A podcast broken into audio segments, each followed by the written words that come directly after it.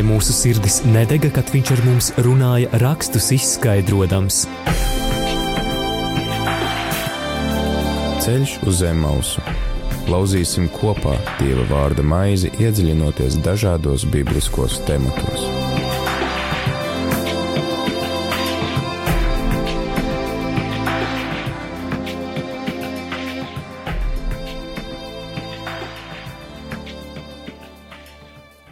Labvakar, klausītāji! Ir ceturtdiena, pulkstenis 17, un ir sācis skanējuma raidījums Ceļš uz Zemausu. Šoreiz studijā ir pārsteigums, jo ir trīs. Mēs esam trīs. Es Linda, Es, Māris Veliks, Un priesteris Pēteris Skudra. un ir arī īpašs iemesls, kādēļ mēs visi trīs raidījuma ceļš uz Zemausu vadītāji esam šovakar ēterā, jo šajā ceturtdienas vakarā, 6. decembrī, mēs sākam jaunu ciklu raidījuma ceļš uz Zemausu ietvaros, kurā mēs aplūkosim kādu interesantu vecās derības grāmatu. Jā, ja kādreiz mums bija tādi dažādi temati, varbūt vairāk pieskaņoti situācijai un laikam, tad uh, mēs tagad esam nolēmuši pamainīt šo pieeju šim raidījumam un uh, neatkarīgi no tā, vai ir uh, sniegs vai, vai saule ārā vai, vai karsts vai augsts un, un, kāds tur liturģiskais laiks, mēs iesim cauri vienai konkrētai grāmatai un tā ir radīšanas grāmata. Tieši tā, tā ir uh, radīšanas grāmata, un tāpēc šodien tad, uh, raidījums būs tādā mm, ievada noskaņā, ievada raidījums, kas varbūt arī palīdzēs labāk saprast, kas vispār ir Bībele, kas ir uh, radīšanas grāmata, no kurienes viņa nāk un, un kā viņa ir radusies, un tad jau tālāk tad iesim cauri dažādiem tekstiem, kur šī grāmata piedāvā. Un patiešām, lai šos tekstus, kurus jau daudz rūpīgāk, daudz sīkāk mēs aplūkosim turpmākajos raidījumos, lai visu to spētu iekļaut plašākā kontekstā, lai redzētu kopsakarībās, tad uh, paldies klausītāji, ka šajā brīdī esi pie sava radioaparāta vai pie citas skanošās ierīces. Tad šoreiz ievatraidījums par radīšanas grāmatu jeb pirmo mūzus grāmatu.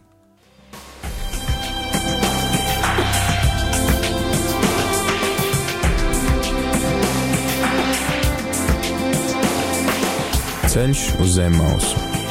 Katru ceturtdienu, pulkstens 17.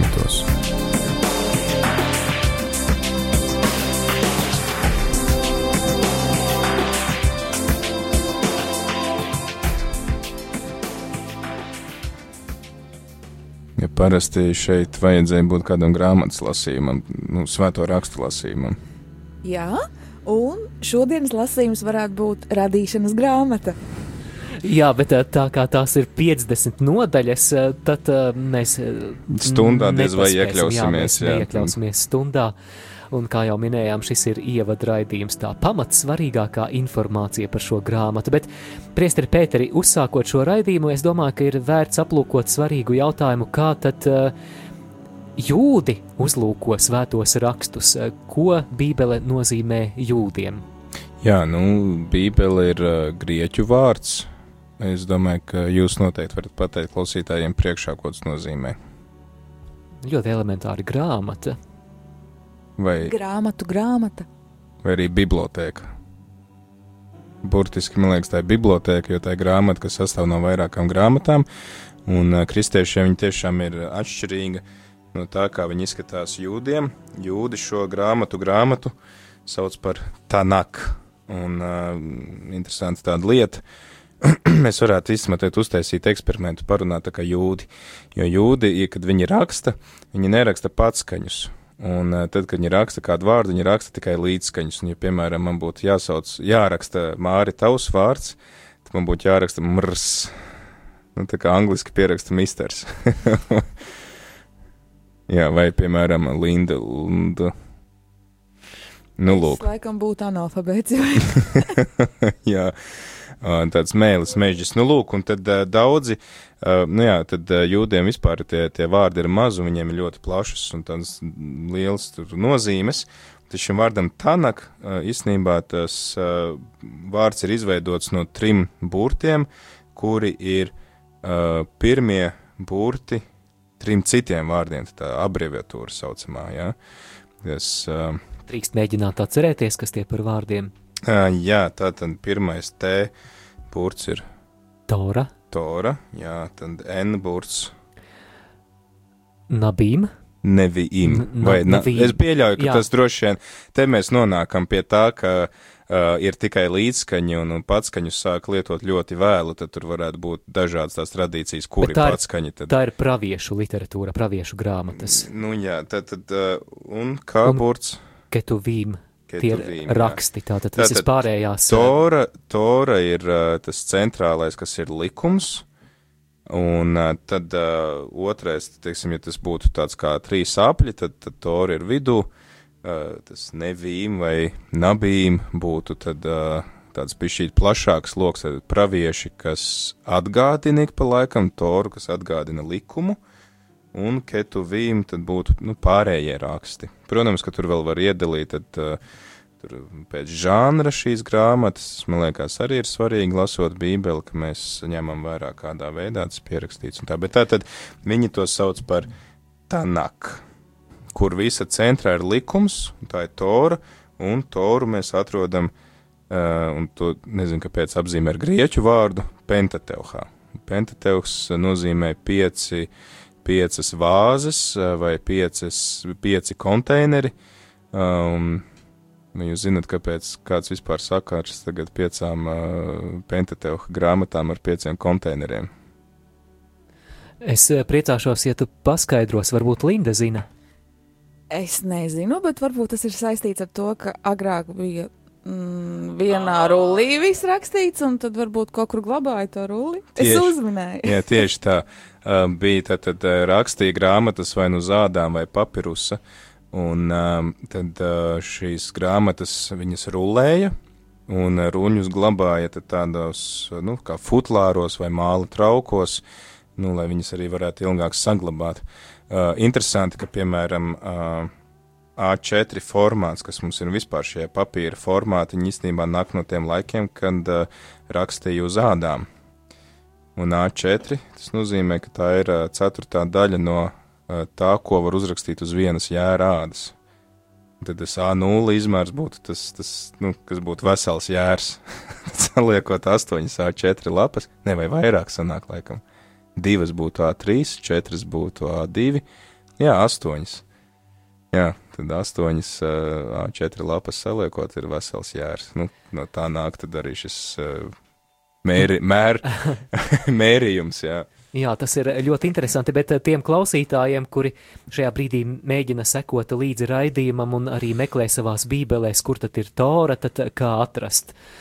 Ļoti elementāri meklējiet uh, savas bībeles sākumu, protams, tā ir jābūt vecajai derībai, un uh, visdrīzāk, ka jūsu variantā tās būs pirmā mūzes grāmata līdz piektajai mūzes grāmatai, jeb, eh, ja mēs lietojam šos katoliskos nosaukumus, tad radīšanas grāmata, jeb otrā mūzes grāmata izceļošanas grāmata, trešā levītu grāmata, ceturtā skaitļu grāmata un piektā atkārtotā likuma grāmata. Vai jūs arī varat nosaukt tos uh, nosaukumus, kā viņi ir citās valodās? Piemēram, grieķiski. Tu vari? Es nevaru. Tu nevari. Ah. Bet man liekas, ka tev šitā te bija priekšā, ne? Nu labi, tad tas nav tik būtiski. Uh, bet, uh, ja, piemēram, mēs tagad pievēršamies tieši pirmajai mūzes grāmatai, tad uh, kaut kur jūs arī varat noteikti atrast uh, nosaukumu Genesis vai Genesis, uh, kas nozīmē tad, nu, rašanās, radīšana, pirmsākumi. Un, Māri, tad tu noteikti arī zini, kā, kā ebreji šo grāmatu sauc. Jā, tā ir tāda sena tradīcija saukt grāmatu, balstoties uz pirmo vārdu vai pirmo frāzi, kas šajā grāmatā ir rakstīta, un ebreju variantā šis ir vārds berešit, iesākumā. Iesākumā. Berešit bara Elohim Linda. Linda, tu noteikti zinās pateikt, kur mūsdienās ir saglabājusies šāda kārtība nosaukt uh, kādu rakstisku darbu pēc pie pirmajiem diviem vai, nu, teiksim, es jau pēc pirmajiem vārdiem vai pirmā vārda. Es pat nesapratu jautājumu. Piemēram, Nu, piemēram, rakstisks tāds darbs, kas saucās Gaudium et spes, vai piemēram, vai piemēram Gaudēte teksultāte, vai Evangēlija Gaudium, vai Moris Letīcija, kur. Tad, š, tad, tad šādu te metodi izmanto baznīcas dokumentu nosaukumos, jā. Jā, brīnišķīgi.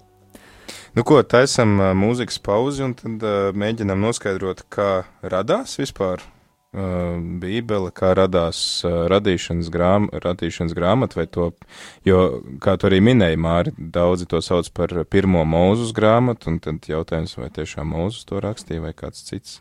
Par to pēc dziesmas, protams, tā būs ebreju valodā.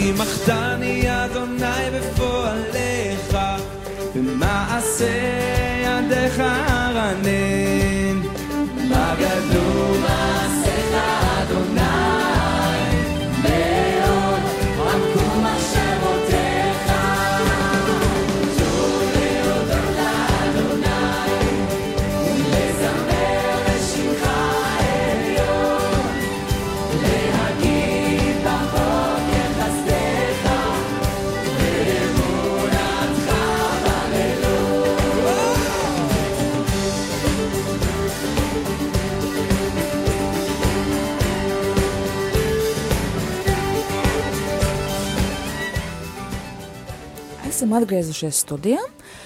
Esam joprojām šeit visi trīs - Māris, Pēt, eh, Pr- Priesteris Pēteris un Linda. Un tad eh, šodien iesākam jauno raidījumu ciklu par radīšanas grāmatu. Šodien ir ievads.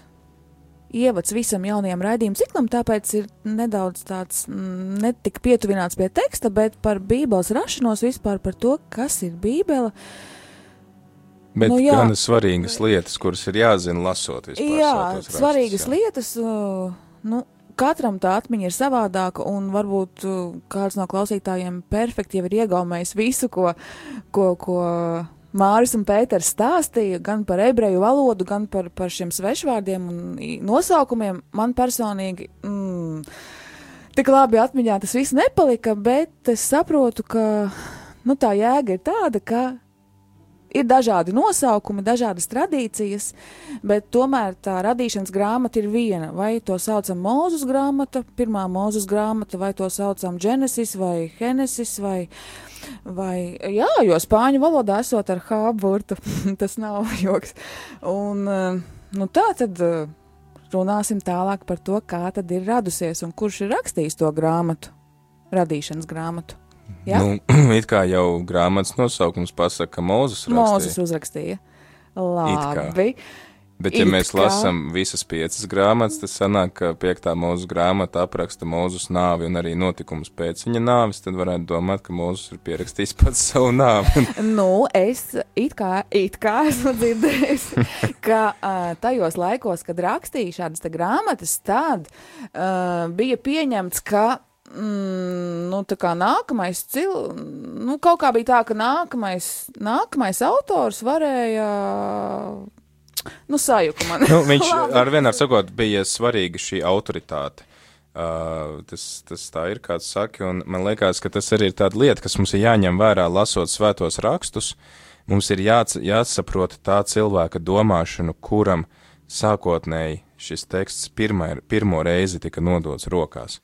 Jo mēs šodien domājam daudz citādāk. Mums ir eh, svarīga chronoloģija, mums ir svarīga avoti, Ja, bet tā laika cilvēkam tas nebija būtiskākais, jo mēs arī lasām, piemēram, evanģēlijā Jēzus dzīves aprakstus, ko mēs lasām, piemēram, Lūkas evanģēlijā Jēzus cik reizes svin lieldienas, nu, to pasku. Vienreiz, vai ne? Nu, es domāju, ka vienreiz. Kolēģi Maija Galvens gribēja dzirdēt jūsu balstiņas, bet, piemēram, Jāņa evanģēlijā cik reizes viņš svin pasku. Mārija, zini? Trīs. Nu, lūk, tad kā tad bija? Tad viņš savā dzīvē paspēja vienu reizi nosvinēt vai trīs reizes? Mm, Vienu vajadzētu būt, ka vienu. Kaut kā nē. Nu, pagaidi, pasku jau viņš nu, sa- savas aktīvās 30 dzīves reizes. laikās, jā, nu, ne? lūk, redz, bet tad, tad mēs redzam to, ka dažādiem evaņģēlija autoriem viņiem nav bijis svarīgi tas, kas notika kādā secībā, bet tā laika cilvēka domāšana bija citādāk, viņiem bija svarīgāk nodot šo vēsti. Un vēsts ir svarīgāka par chronoloģiju, un tāpēc un viņi to neuzskata. Mēs šodien teiktu, ka, hei, tu sagrozīji vēsturiskos faktus. Īstenībā A notika pēc B un B notika pēc C. Ja? Bet uh, jūdiem tajā laikā, vispār tajā kultūrā, jo tie laiki, arī par kuriem mēs runājam, ir ļoti īstenībā tāds, tāds garš, garš laika posms, bet tad jūdiem svarīgākā bija vēsts, un ja man vēsti ir labāk nodot par to, ka um, mēs, piemēram, šo raidījumu, nezinu, vadījām kādā citā dienā, ja, tad uh, viņiem nebūtu problēma tā laika cilvēkiem to arī tā pasniegt, jo viņiem būtu svarīgāk nodot to vēsti, kuru viņi grib pateikt, Nu, bet, uh, kas nebūtu sagrozīta vēsts. bet tomēr uh, Bībele ir sakomplektēta. uh, Gan ebrejiem, gan grieķiem, gan visiem pārējiem viņa ir vienādā secībā, vecā darība vai ne? Ar radīšanas grāmatu sāks. Jā, visiem sāks ar Nu, jā, radīšanas tad grāmatu. uh, man, piemēram, rodas jautājums, tad, nu, kāpēc tad tomēr tā radīšanas grāmata ir pirmā?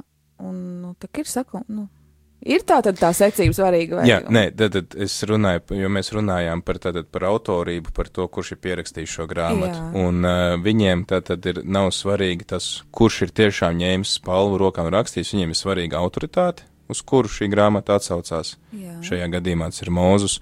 Un otrkārt, viņiem ir svarīga šī vēsts un netik daudz svarīga tāda notikuma secība. Tāpēc, piemēram, mēs arī tajā pašā radīšanas grāmatā varam lasīt notikumus, kas it kā atkārtojās un notiek pa diviem lāgiem. Piemēram, radīšana vai, piemēram, arī Abrahama piedzīvojumi Eģiptē ir vienreiz un pēc tam paiet kaut kāds nodaļas un tad atkal. Ja, vai tiešām tie bija divi notikumi, vai tas ir viens un tas pats notikums aprakstīts divas reizes? Nu, mēs to līdz galam nevaram zināt, bet tad tur ir kaut kāds šis vēstījums, ko eh, cilvēki ir vēlējušies pateikt, un kāpēc mūsu pirmā mūsu grāmata ir pirmā mūsu grāmata, un kāpēc ar Toru viss sākās ar šo pentateuhu. Tas ir tieši iemesls dēļ, ka viņiem ir svarīga vēsts, ko viņi grib pateikt, un šīs piecas grāmatas satur likumu. Un likums ir jūdiem visa centrā, un pēc tam ir pravieši, pēc tam ir pārējā literatūra, bet tad viņiem vissvarīgākais ir likums, un likums viņiem ir saistīts ar mūzu, kurš ir šī autoritāte, kas šo likumu deva. Nu, kaut kā tā, Māra, vai tev ir kaut kas piebilstams? Drīzāk eh, gan ir jautājam, jautājums. eh, Tagad mēs pievērsīsimies, tātad mēs eh, dzirdējām par to, ka šī tradicionālā pieeja ir tā, kas eh, saista šīs grāmatas ar mūzu, bet parunāsim par tādām jaunākām teorijām. Un te man nāk prātā, ka 19. gadsimtā tāds slavens vācu biblists kā Velhauzens izvirzīja tā saucamo avotu teoriju, un vai priestri Pēteri, tu lūdzu varētu paskaidrot vairāk klausītājiem, kas tā ir par teoriju un kā tā skaidro šīs Toras eh, un Pentateuha arī kopumā izcelšanos, kas nu, par avotiem? patiesībā viņš nav 19. gadsimts, nav pirmais gadsimts, kad uh, tiek apšaubīta, uh, teiksim tā, netiek apšaubīts saturs, bet tas, vai tiešām Mūzus būtu pierakstījis šo grāmatu. Un, ja mēs tā atskatāmies, uh, tad uh, jau, man liekas, tas ir 11. gadsimts, kad jau autori saka, ka, nu, mm, nu īsti nevarētu būt, jo mūsu, nu, viņš, kā jūs arī minēja, nu, kaut vai tas pats piemērs par to, ka viņš nevar aprakstīt savu nāvi, vai galu galā viņš arī nevar, nu, viņš nebija klāt radīšanā, nu, kā viņš var tās lietas aprakstīt, tie ir tomēr, nu, tur mm, tūkstošiem gadu. Jā, piemēram, Abra, Abrahams ibn Ezra, kas ir dzīvojis 11. 12. gadsimtu mijā, arī saka, ka Uh, nu, šīs visu šo grāmatu autors nav Mūzus, bet tātad viņas nes šo Mūzus vārdu, jo viņš ir, nu, kā šī persona, kas ir devusi likumu un šīs grāmatas satura likumu. Bet tātad tas, ko tu jautā, tas ir vairāk kā tāds mēģinājums rekonstruēt notikumu gaitu, kā šī grāmata un vispār bībele līdz mums nonākusi. Un uh, jāsaka, ka īstenībā šīs piecas mūzes grāmatas, un tajā skaitā arī pirmā mūzes grāmata ir patiesībā pierakstītas vēlāk nekā daudzas citas vecās derības grāmatas. Un uh, tad tas, kā tas būtu varējis notikt, ir, uh, ir bijušas dažādas vēsturiskas liecības vai, teiksim, dažādas tradīcijas, kur varbūt būtu pierakstītas kādas atsevišķas lietas, Uh, mums arī jāsaprot, ka atkal mums ir jāizprot tā laika kultūra un cilvēku domāšana. Viņiem nav papīrs uh, pa labi, pa kreisi un planšetes, kur tu vari atstāt 150 piezīmes un viņas pēc tam izdzēst ārā un atkal rakstīt jaunas. Jā. Tur ir, uh, nu, nu, ja tu gribi rakstīt, tad vai nu tu nokauj veselu ganāmpulku ar lopiem un raksti, jā, vai arī, nu, meklē papirusu. Uh, Nu, tas ir tāds laikietilpīgs, nu, vai kā akmenī, ja, bet, nu, cik tu tur iekals piezīmes akmenī, tas prasa laiku. Nu, lūk, tas viss tiek nodots tādā mutvārdu tradīcijā. Kad šī mutvārdu tradīcija sākās? Nu, neviens nevar pateikt. Bet uh, pētot šos rakstus, nu, arī kaut vai pirmā mūsu grāmatas uh, nodaļa un otrā šīs uh, grāmatas nodaļa, it kā identisks stāsts radīšana, ja? bet uh, vienā sākās ar cilvēku radīšanu, otrā sākās ar gaismas un tumsas nošķiršanu. Nu, otrādi. Pirmajā nodaļā tiek uh, radīta gaisma un tumsa, un tad otrajā nodaļā. Nu, tāpēc tāds vienā jā. ir tā un otrā ir tā. Jā, uh, nesakot, kur, kurā ir kā. Mēs par to runājām uh, Jēzus koka katehēzē pirmdien, tad klausītāji var noklausīties, kā tur īsti ir. Bet uh, tātad tas parāda to, ka par vienu un to pašu notikumu, vai vien, viens un tas pats stāsts ir saglabājies jūdu kultūrā dažādos veidos. Un, uh, tad uh, ir, tādi, ir tāds uzskats, ka ir četri avoti, un katrs būtu attīstījies savā laikā. Visvecākais būtu tā sauktais jahvistiskais avots, kurš būtu uh, sākts nu, veidot ap ap 10. un 9. gadsimtu pirms Kristus. Tad būtu elo, elohistiskā tradīcija, kas būtu apmēram 8. gadsimts pirms Kristus, tad ir tāds sarežģīts vārds, kur arī nes 5. mūsu grāmata deuteronomisti, jā, tad tas būtu ap 7. gadsimtu, kad pravietis Oseja veica reformas, Tas varētu būt tā 7. gadsimta beigās. Un visbeidzot, priesteriskā tradīcija, kas jau ir pēc izsūtījuma tradīcija, un, un ir arī pētnieki, kas uzskata, ka šie, nu, šis avots būtu tas, kas būtu kā kārtojis pārējos trīs avotus. Tad, tad ir dažādās veidos mutvārdu tradīcijās saglabājusies šī informācija, tad ir bijuši redaktori, kas to ik pa laikam pieraksta, kas to veido. Uh, Um, Tas ir bijis process, kas ir veidojies gadsimtu garumā, un patiesībā arī ar evaņģēlījiem tāds pats process ir bijis, ka daudz, daudz īsākā laika posmā, ka kristieši stāstīja par Jēzus dzīvi viens otram līdz uh, Matejs, Marks, Lūk un Jānis to visu pierakstīja. Uh, varētu būt, ka tas uh, pirmās šīs grāmatas vai kaut kādi pirmie raksti ir parādījušies jau karaļu laikā, īpaši, kad uh, ir uh, karaļu laikā, kad ir pravietis Samuēls, Nātans un Gāds, tad tas ir uh, ķēniņa Dāvida laiks, uh, ka viņi tad, nu, dzīvojot savā valstī, ir varējuši pētīt arhīvus un uh, varējuši arī kaut kādus šos uh, uh, rakstu darbus veikt. Un tad tas ir bijis tāds, tāds redakcijas darbs un, un kaut kāds papildināšanas darbs, vai tas ir bijis viens cilvēks, vai tā ir bijusi vesela skola, to mēs atkal nezinām. Tas tā tad ir tie, nu, noteikti tie bijuši ie- iesaistīti vairāki cilvēki gadu tūkstošu garumā, līdz tā grāmata nonākusi pie mums tāda, kāda viņa ir. Bet, uh, Priester Pēter, bet taču vai tad sanāk, ka Mūzes neko nerakstīja?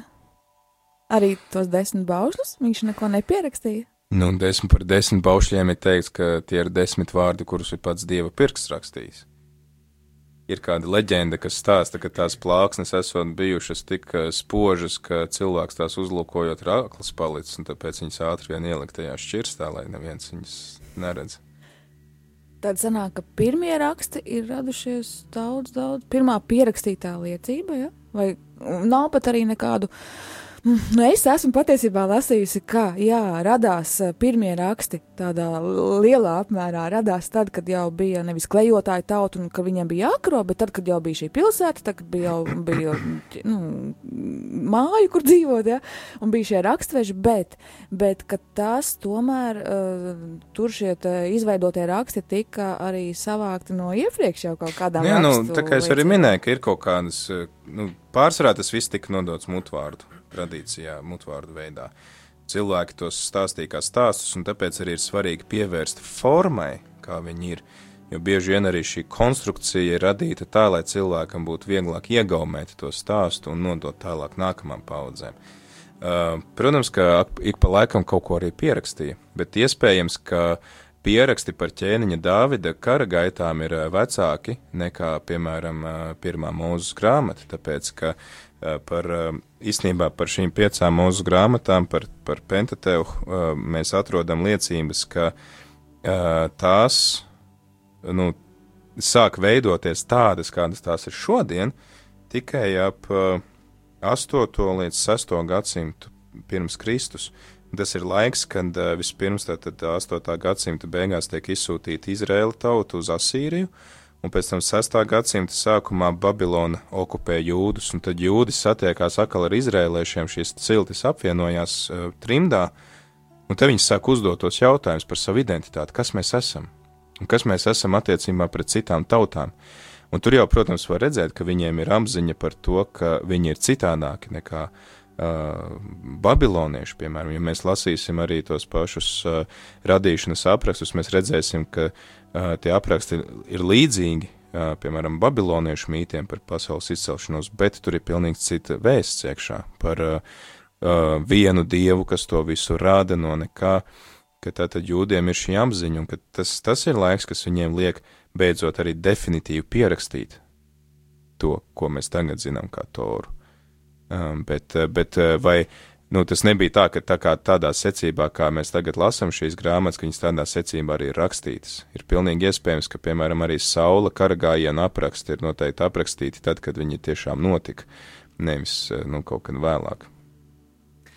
Jā, Priestri Pēteri, tu minēji šīs, eh, šos vairākus eh, tradīciju avotus, kas ir saplūduši Torā, gan jahvistisko, elohistisko, deuteronomisko tradīciju un priesterisko tradīciju, un um, kā varbūt uh, ieskats mazliet uh, šādā pieejā Bībeles tekstu pētniecībā jūs varat, dārgie klausītāji, palasīt, piemēram, uh, aprakstu par grēku plūdiem, un tad jūs redzēsiet, ka it kā tas stāsts jau tiek pastāstīts, un tad it kā filma tiek attīta atpakaļ, un mēs dzirdam mazliet citiem vārdiem, ar citām izteiksmes formām to pašu. Un uh, tad mēs varētu arī šeit runāt, bet neizvērsīsim par to, ka katrai no šīm tradīcijām ir savas īpatnības, kas atšķir tās citu nu, no te ir atkal citas. tas, ko mēs runājām ar Lindu pirms brīža par to, ka ir jāņem vērā tā cilvēku domāšana konteksts, kurās Jā. tas rodās. Jo, piemēram, par tavu, nu, tavs piemērs par Noās ir izcils piemērs. Mēs ar klausītājiem par to arī runājām uh, Jēzus koka katehēzē, kad runājam par grēku plūdiem, un, un tur ir tieši tas, ka tad, tad viena šī, kas varētu būt šī vecākā tradīcija, jahvistiskā tradīcija, runā par to, ka no katra no katras sugas ir pa diviem pāriem. Bet savukārt šī otra tradīcija, kas saka, ka nē, no, no nešķīstajiem bija divi pāri un no šķīstajiem bija septiņi pāri, un arī šī valoda, jo kas tur tiek ņemts vērā, gan valoda, gan izteiksmes veids, viņa liecina par to, ka tas nāk jau no laika, kad jūdiem jau ir templis. Ka tā tad jau ir nošķirt, eh, kas ir šķīsts, kas ir nešķīsts, ko var dievam upurēt, ko nevar dievam upurēt, kam var pieskarties, kam nevar pieskarties. Tad, tad tas atkal tā cilvēka nu, domāšanā un, un tā cilvēka nu, tajā kultūra vidē rodās, kas ir tā tad noticis vēlāk. Bet tā tad atkal te ir netik daudz jāpievērš uzmanību šim. Protams, Bībelē ir jāpievērš uzmanība visām detaļām, viss ir eh, svarīgs, bet, bet jūdiem vispats pats svarīgākais ir, ir uh, tieši vēsts, kas tiek nodota. Bet uh, vēl šeit, Priestri Pēteri un Linda, manuprāt, klausītājiem būtu svarīgi norādīt uz to, ka neraugoties uz to, ka Bībeles veidošanās process ir bijis ļoti komplicēts, sarežģīts, daudz, daudz slāņains, eh, tad tas neietekmē to faktu, ka tas ir Dieva iedvesmots vārds. Jā, es, jā, jā tas un, ir ļoti tas, ko mēs, vērtīgots jā, tas, ko mēs runājām, tas arī ir tikai teorijas, tie ir pieņēmumi, tie ir mēģinājumi saprast, kā šis teksts varēja būt veidots, bet uh, tas nemaina faktu, ka šis ir kanonisks teksts, tā ir daļa no svētajiem rakstiem, tas ir dieva iedvesmots vārds, un lai arī kādā veidā šis teksts ir veidojies, tad aiz tā ir stāvējis dievs, kurš um, ir iedvesmojis cilvēkus, šī vārda autorus, kā mēs to lasām katehismā un arī Deja verbum Vatikāna otrā koncila dokumentā. Tātad Dievs ir virzījis, lai šis vārds saturētu tās patiesības, kuras Dievs ir vēlējies nodot mums cilvēkiem, un kas ir svarīgas mūsu pestīšanai. Te ir arī e, tāds arī piemērs tāpat kā par radīšanu, jā, ir, ir, uh, ir nodots šis vēstījums par to, ka Dievs ir radījis pasauli, bet zinātnieku pienākums ir izpētīt, kā viņš to ir darījis. Un tāpat arī ar Bībeli. Bībeli skaidrs, ka Bībeles autors ir Dievs, viņš ir iedvesmojis cilvēku, bet cik cilvēkus, kā viņš ir iedvesmojis, kā viņš ir pierakstījis, nu, tas jau ir teksta kritiķu un, pētnieku uzdevums saprast, kā tas ir noticis vēstures gaitā. Bet, darbie kolēģi, ļausim klausītājiem mazliet atvilkt elpu, sagremot to, ko ir dzirdējuši. Pēc brīža mēs atgriezīsimies ēterā, lai parunātu par radīšanas grāmatas, jeb pirmās mūzus grāmatas struktūru un saturu. Ceļš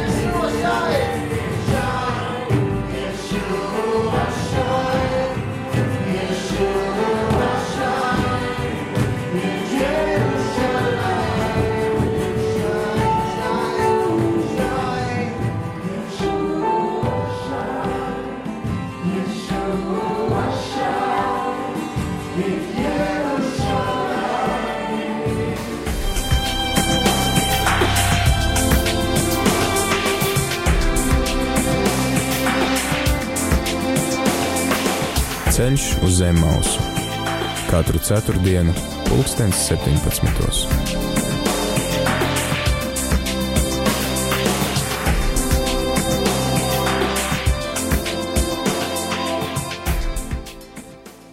Raidījums Ceļš uz Zemausu, Priesteris Pēteris, Māris Veliks un Linda Ozoliņa.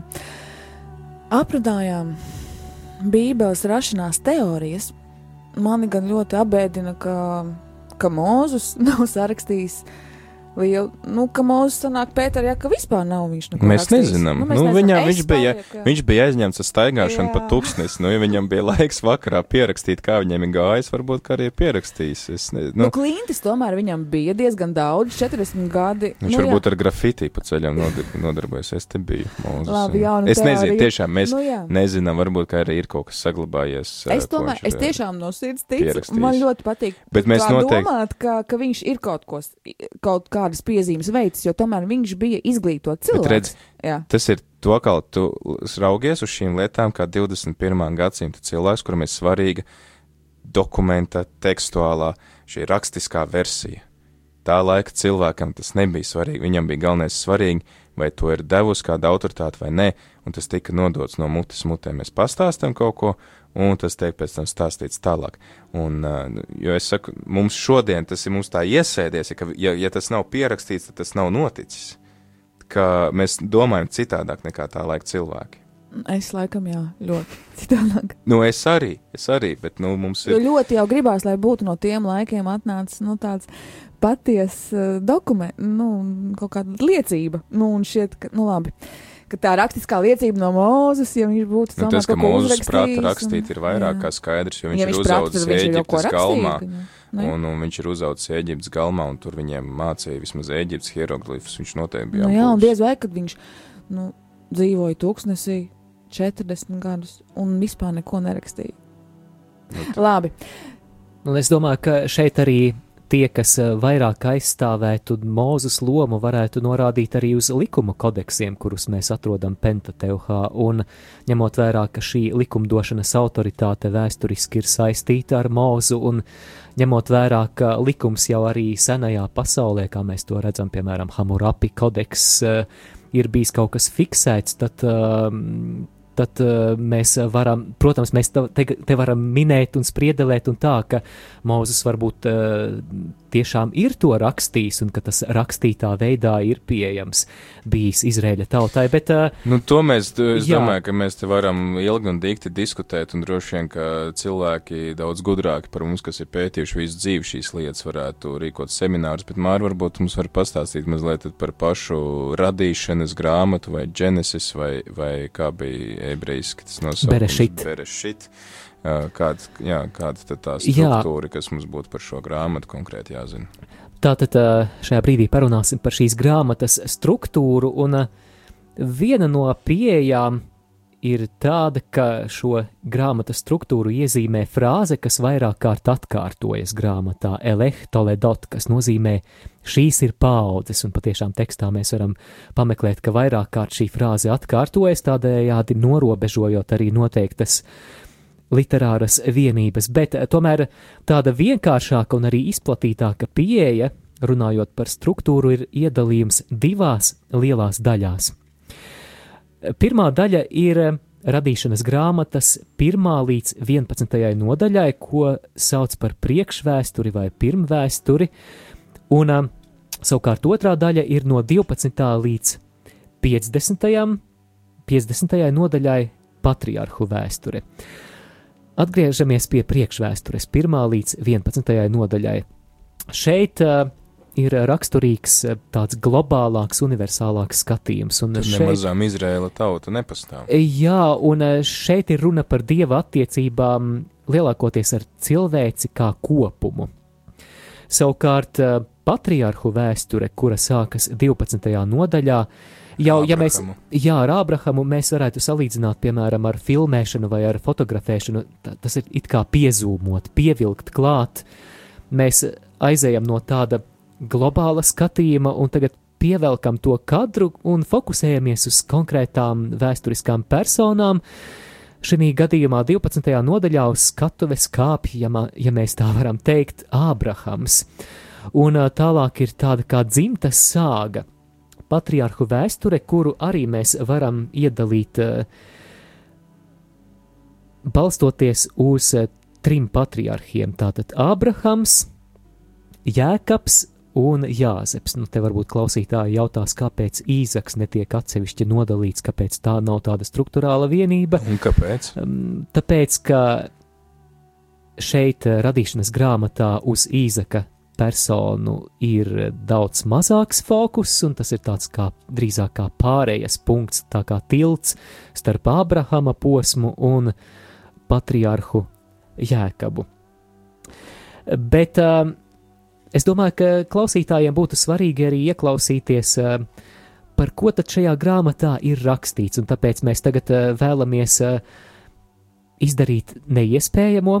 Kā mēs dzirdējām, šajā grāmatā ir 50 nodaļas, un ja mēs pa nodaļai lasām dienā, tad mums um, nepilni divi mēneši aizietu, bet mēs tagad mēģināsim rezumēt un pāris minūtēs pastāstīt par to, kāds ir šīs grāmatas saturs, un tas uh, daudziem no jums arī liks tā piekrītoši un apmierināti māt ar galvām teikt, jā, jā, jā, tas ir kaut kas dzirdēts vai lasīts bet uh, tas pēc īsa jingla.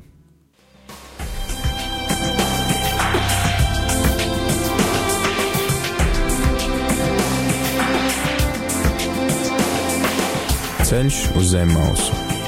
Katru ceturtdienu, pulkstens 17.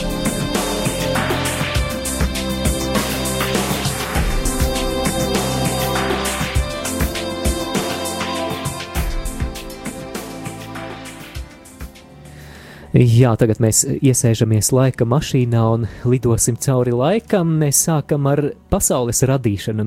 Dievs sešās dienās rada pasauli un septīto dienu konsekrē kā atpūtai veltītu Un dienu. Pēc tam mēs lasām grēkā krišanu.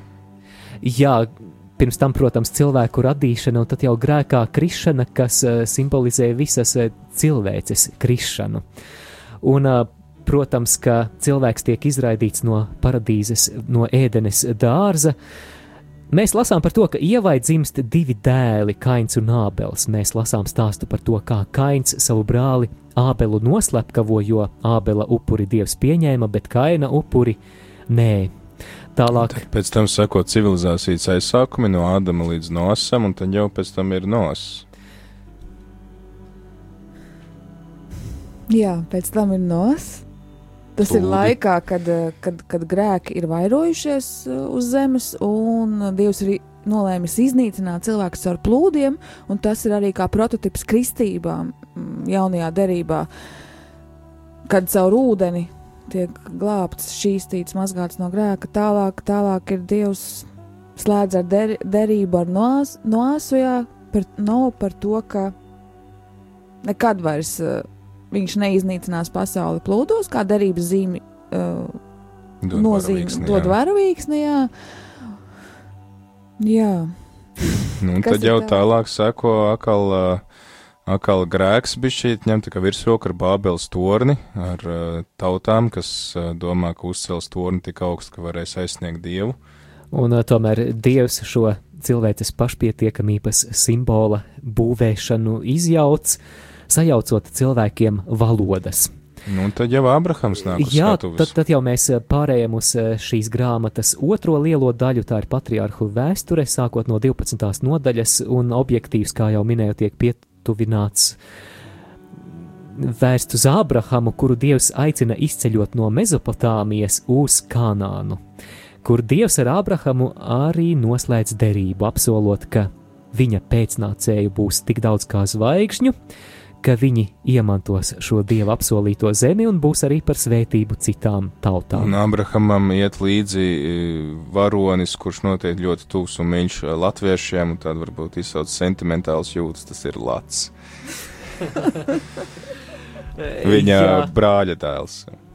ar Latu arī tur īpašs incidents, jo Sodoma un Gomora, kas ir kā tāds apliecinājums tam, ka grēks pasaulē ir vairojies, ir tās pilsētas, kurās Lats vai Lots ir apmeties, un Dievs apņemas iznīcināt šīs pilsētas, taču Lots un arī viņa ģimene, neskaitīsim sievu, kura palūkojās atpakaļ un kļuva par salstabu, eh, viņi tiek izglābti.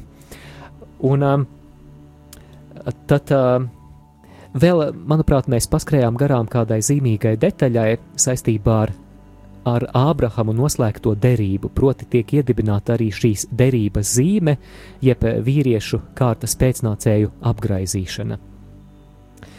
Tad tālāk mēs lasām arī par to, kā izceļas divas Izraēļa tautai naidīgas tautas, kuras ar vienu no jauna, ar vienu no jauna vecajā derībā parādās, un tie ir moābieši un amonieši. Un, No kurienes tad viņi runās? Tātad uh, Lota vai Lata meitas, uzskatot, ka viņas būs trimdnieces un ka viņas nekad nevarēs tikt pie vīra, piedzirda savu tēvu, tas ir diezgan bēdīgs stāsts, un tad viņas ieņem bērnus no sava tēva, un tā rodas arī moābieši un amonieši. 22. nodaļā Dievs pārbauda Ābrahamu, pieprasot kā upuri pienest dēlu Īzaku. Kad Ābrahams paklausībā jau paceļ duncilu, tad Dievs viņu no tā attur, apsolot neskaitāmus pēcnācējus. Tālāk notiek arī paudžu maiņa, un Īzaks, Īzaks, jā, jā, meklē Īzaks. sievu. Nu, viņam tiek meklēta sieva, pareizāk Jā. sakot, Rebeka. Un tad patinot uz priekšu, Īzaka sieva Rebeka dzemdē dviņus - Ēzavu, kas ir ēdomiešu tēvs, un Jēkabu. Un mēs noteikti zinām šo stāstu, kā caur viltību, caur šmaukšanos Jēkabs piesavinās pirmdzimtības statusu un arī tēva svētību. Protams, Ēsaus viņa brālis par to nav sajūsmā. Jēkabs ir spiests bēgt. Viņš bēg un apmetas pie sava onkuļa, kur viņš iemanto materiālu pārticību un arī ne tikai vienu sievu, bet arī Divas jā, sievas, tur jā. pārpratuma un, un arī mazliet um, onkuļa tika apmānīts. un- viltības jā, rezultātā jā, jā. divas sievas. Bet no, no Ēsava arī ceļās pēc tam liela tauta. Jā, ēdomieši, tie, kas eh, dzīvo dienvidos no, no Izrēļa tautas. Es tikai tagad neatceros, tā bija tā tauta, kas izlaida viņus cauri vai kas neizlaida viņus cauri, jo vienus viņi saudzēja, un otrus viņi tur galīgi nesaudzēja. Ar ēdomiešiem bija ļoti sarežģītas attiecības. jā, nu, bet, eh, bet, nu, izceļošanas pēc tam, grāmatā jā. Pēc tam varēs pārlasīt. Un um, tad, jā, mēs palikām pie, pie Jēkaba, viņa sievas Rāhele un Lēja, arī divas kalpones kā blakus sievas, un Jēkabs kļūst par tēvu 12 dēliem, no kuriem izceļas 12 Izrēļa ciltis. Mēs vēl aizmirsām pieminēt Jēkabas sapni, kas ir noteikti zināms visiem bībelēs stāsts, kas ir tātad pa vidu šim visam aprakstam, kāda tur viņam iet ar tām sievām un visiem tiem bērniem.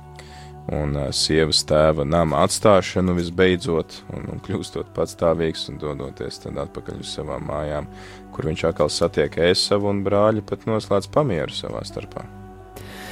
Jā, bet uh, atgriežoties pie 12 jēkaba dēliem, vairākas nodaļas, uh, vairāku nodaļu galvenais varonis ir jēkaba mīļākais dēls, kuru sauc par Jāzepu, un brāļu skaudības dēļ Jāzeps tiek pārdots uz Ēģipti, kur pēc tam, kad ir piedzīvojis dažādus pārbaudījumus, grūtības un satricinājumus, pateicoties tam, ka dieva vadībā viņš spēja iztulkot faraona sapni par tuvojošos badu, kas skars visu zemi, viņš izpelnās ļoti svarīgu pozīciju Eģiptes valstī. Viņš kļūst par Eģiptes valsts pārvaldnieku. Par viņu saka, ka vienīgais, kas viņam nav, viņam nav faraona troņa. Vispārējais viņam ir. Un šādā statusā notiek nākamā Jāzepa tikšanās ar viņa jau sen neredzētajiem brāļiem, kuriem galu galā viņš atklāja savu identitāti. Un tur parādās arī īpašā dieva providence un dieva nodoms, ka šis sarežģītais Jāzepa dzīves stāsts ir tā ievies dieva plānā, ka pateicoties tam, ko Jāzeps ir piedzīvojis, tad visi Jāzepa brāļi, viņa dzimta var tikt glābta no bada. Viņi ne tikai apmetas- izglābti no Jā. jā. bada, bet viņi pat var dzīvot starp eģiptiešiem, izvēloties diezgan auglīgu, laikam pat visauglīgāko teritoriju, kas Eģiptē ir atrodama. Jā, viņiem tiek piešķirta Gošenes zeme, kur viņi apmetas uh, uz uh, vairāk nekā četriem gadsimtiem, bet nu, tad, tas jau būs nākamās grāmatas, proti, izceļošanas grāmatas stāsts par to, kā gāja turpmākajos gadsimtos un kā notika šī izceļošana no verdzības, kas vēl pagaidām šeit uh, radīšanas grāmatā nav. Šeit vēl viņi ir privileģētā statusā. klausītāji, tad tu vari droši pārlasīt, ā, pārlasīt šo grāmatu, un jau ar nākamo nedēļu tad ķersimies tai klāt. Bet tā, varbūt mēs vēl varam īsi kādas divas, trīs minūtes, pirms mēs beidzam pārunāt par svarīgākiem tematiem, ko šī grāmata apskata.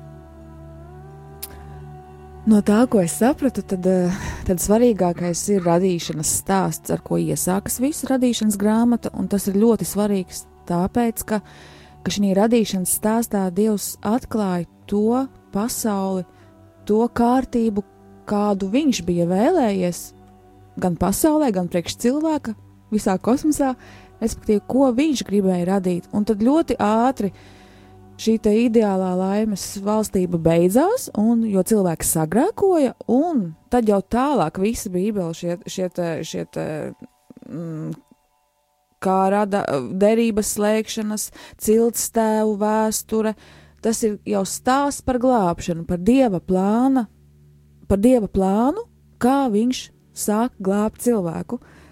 Jā, lai novestu atkal cilvēku atpakaļ šajā laimes stāvoklī, tuvās attiecībās un draudzībā ar sevi. Par to ir principā viss, viss, viss, viss tā tad stāsts Bībelē. Ja? Jā, Linda, tu jau norādīji arī uz šo glābšanas nepieciešamību un cerību, un arī šis motīvs jau ieskanās Bībeles pirmajās lapusēs, jau radīšanas grāmatas trešajā nodaļā ir tā saucamais protoevaņģēlijs, ir norāde uz Dieva plānu atbrīvot Ko no ļaunā varas. protoevaņģēlijs? Pirmevaņģēlijs, Mhm. priekševaņģēlijs, bet uh, ja mēs runājam par tādām grāmatas teoloģiskajām īpatnībām, protams, mēs to nevarēsim šeit attīstīt daudz un dziļi, tad noteikti ir jānorāda uz monoteismu, tātad ir viens dievs, eh, viens dievs kā radītājs, un um, Kad daba ir atkarīga no radītāja, nevis pati ir dievišķa. jā, tātad tas nav panteisms, un arī tas ir pretstats ateismam, kas noliedz dieva eksistenci, ir tikai viens dievs, kurš valda pār savu radību, kura vara ir neierobežota, kurš spēj iejaukties cilvēces Un likteņos. Kurš veido attiecības ar cilvēku? Jā, un arī šis ir ļoti svarīgs tematisks bloks eh, šajā grāmatā. Tās ir dieva attiecības ar radību un ar cilvēku, un ar cilvēci kopumā arī. Man liekas, ka mēs esam diezgan veiksmīgi aizpildījuši visu laiku. Drīz arī raidījumam jābeidzās, bet tad vēl tāda neliela reklāma, kas klausītāji tev noteikti nāks ļoti par labu.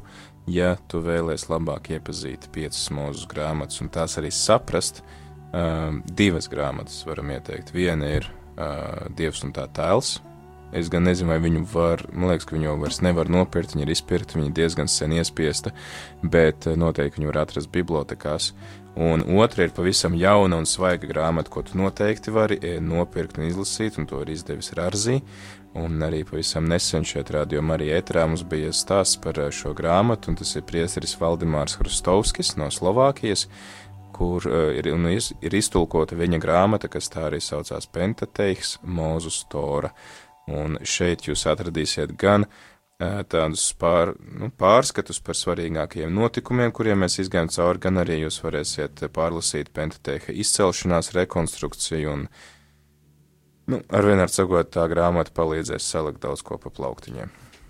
Bet es arī vēl zinu, ka ir ļoti daudz bībeles ar komentāriem, un komentāri ļoti palīdz. Jā, Un arī internetā var šīs bībeles uh, lasīt, un dažādās valodās ļoti plaši ir noteikti. tas krievu arī valoda. dažādie tulkojumi ļoti Jā. palīdz arī saprast tekstu, jo, protams, ka katru tekstu var iztulkot tā vai šitā, jo, jo citā valodā viens vārds ir ar plašāku un citā ar šaurāku nozīmi.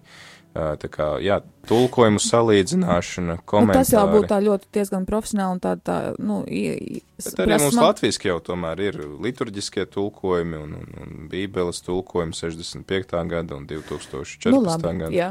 Bet tomēr, un, ja tomēr ir kāds, kuram ir slinkums, nu, desmit bībeles vienlaicīgi lasīt un salīdzināt katru vārdu, tad vienkārši, piemēram, uh, var lasīt Bībeli ar komentāriem, un tad Jā. ļoti kļūst skaidrs daudz kas. Tad gan ir jāņem svešvalodā, jo man liekas, ka latviešu mums nav daudz bībeles Man ar šķiet, ka komentāriem. Nu, daudz nav, bet tagad laikam arī ir latviski. Jā, ir, ir latviski bībele ar komentāriem, bet uh, raidījuma noslēgumā vēlamies aicināt jūs, klausītāji, sekot līdzi šim raidījumu ciklam, kurā mēs uh, daudz rūpīgāk izpētīsim radīšanas grāmatu, lasiet līdzi, meklējiet savās bībelēs, pasvītrojiet, klausieties šo raidījumu arhīvā, ja nav iespēja noklausīties tiešraidē. Vēl ir uh, arī uh, Bībeles lasītāja rokas grāmata, kas ir visai pamatīgs tāds iespiedums, un ko arī ir vērts uh, pārlasīt. Tur ir diezgan daudz labas informācijas. Bet uh, šis te pentateiks mūsu stora, priesties Valdemārs Harstovskis, noteikti jūsu grāmatu galdos būs prasiet Rārzīs devis uzticami avoti. Tad jau turpmākajos raidījumos mēs tiekamies, lai secīgi ietu cauri šīs grāmatas nodaļām un to pārunāsim kopā ar dažādu konfesiju garīdzniekiem. Kopā ar jums šajā raidījumā ceļš uz Emmausu bijām mēs, Māris Veliks, Linda? Priesteris Pēteris Skudra.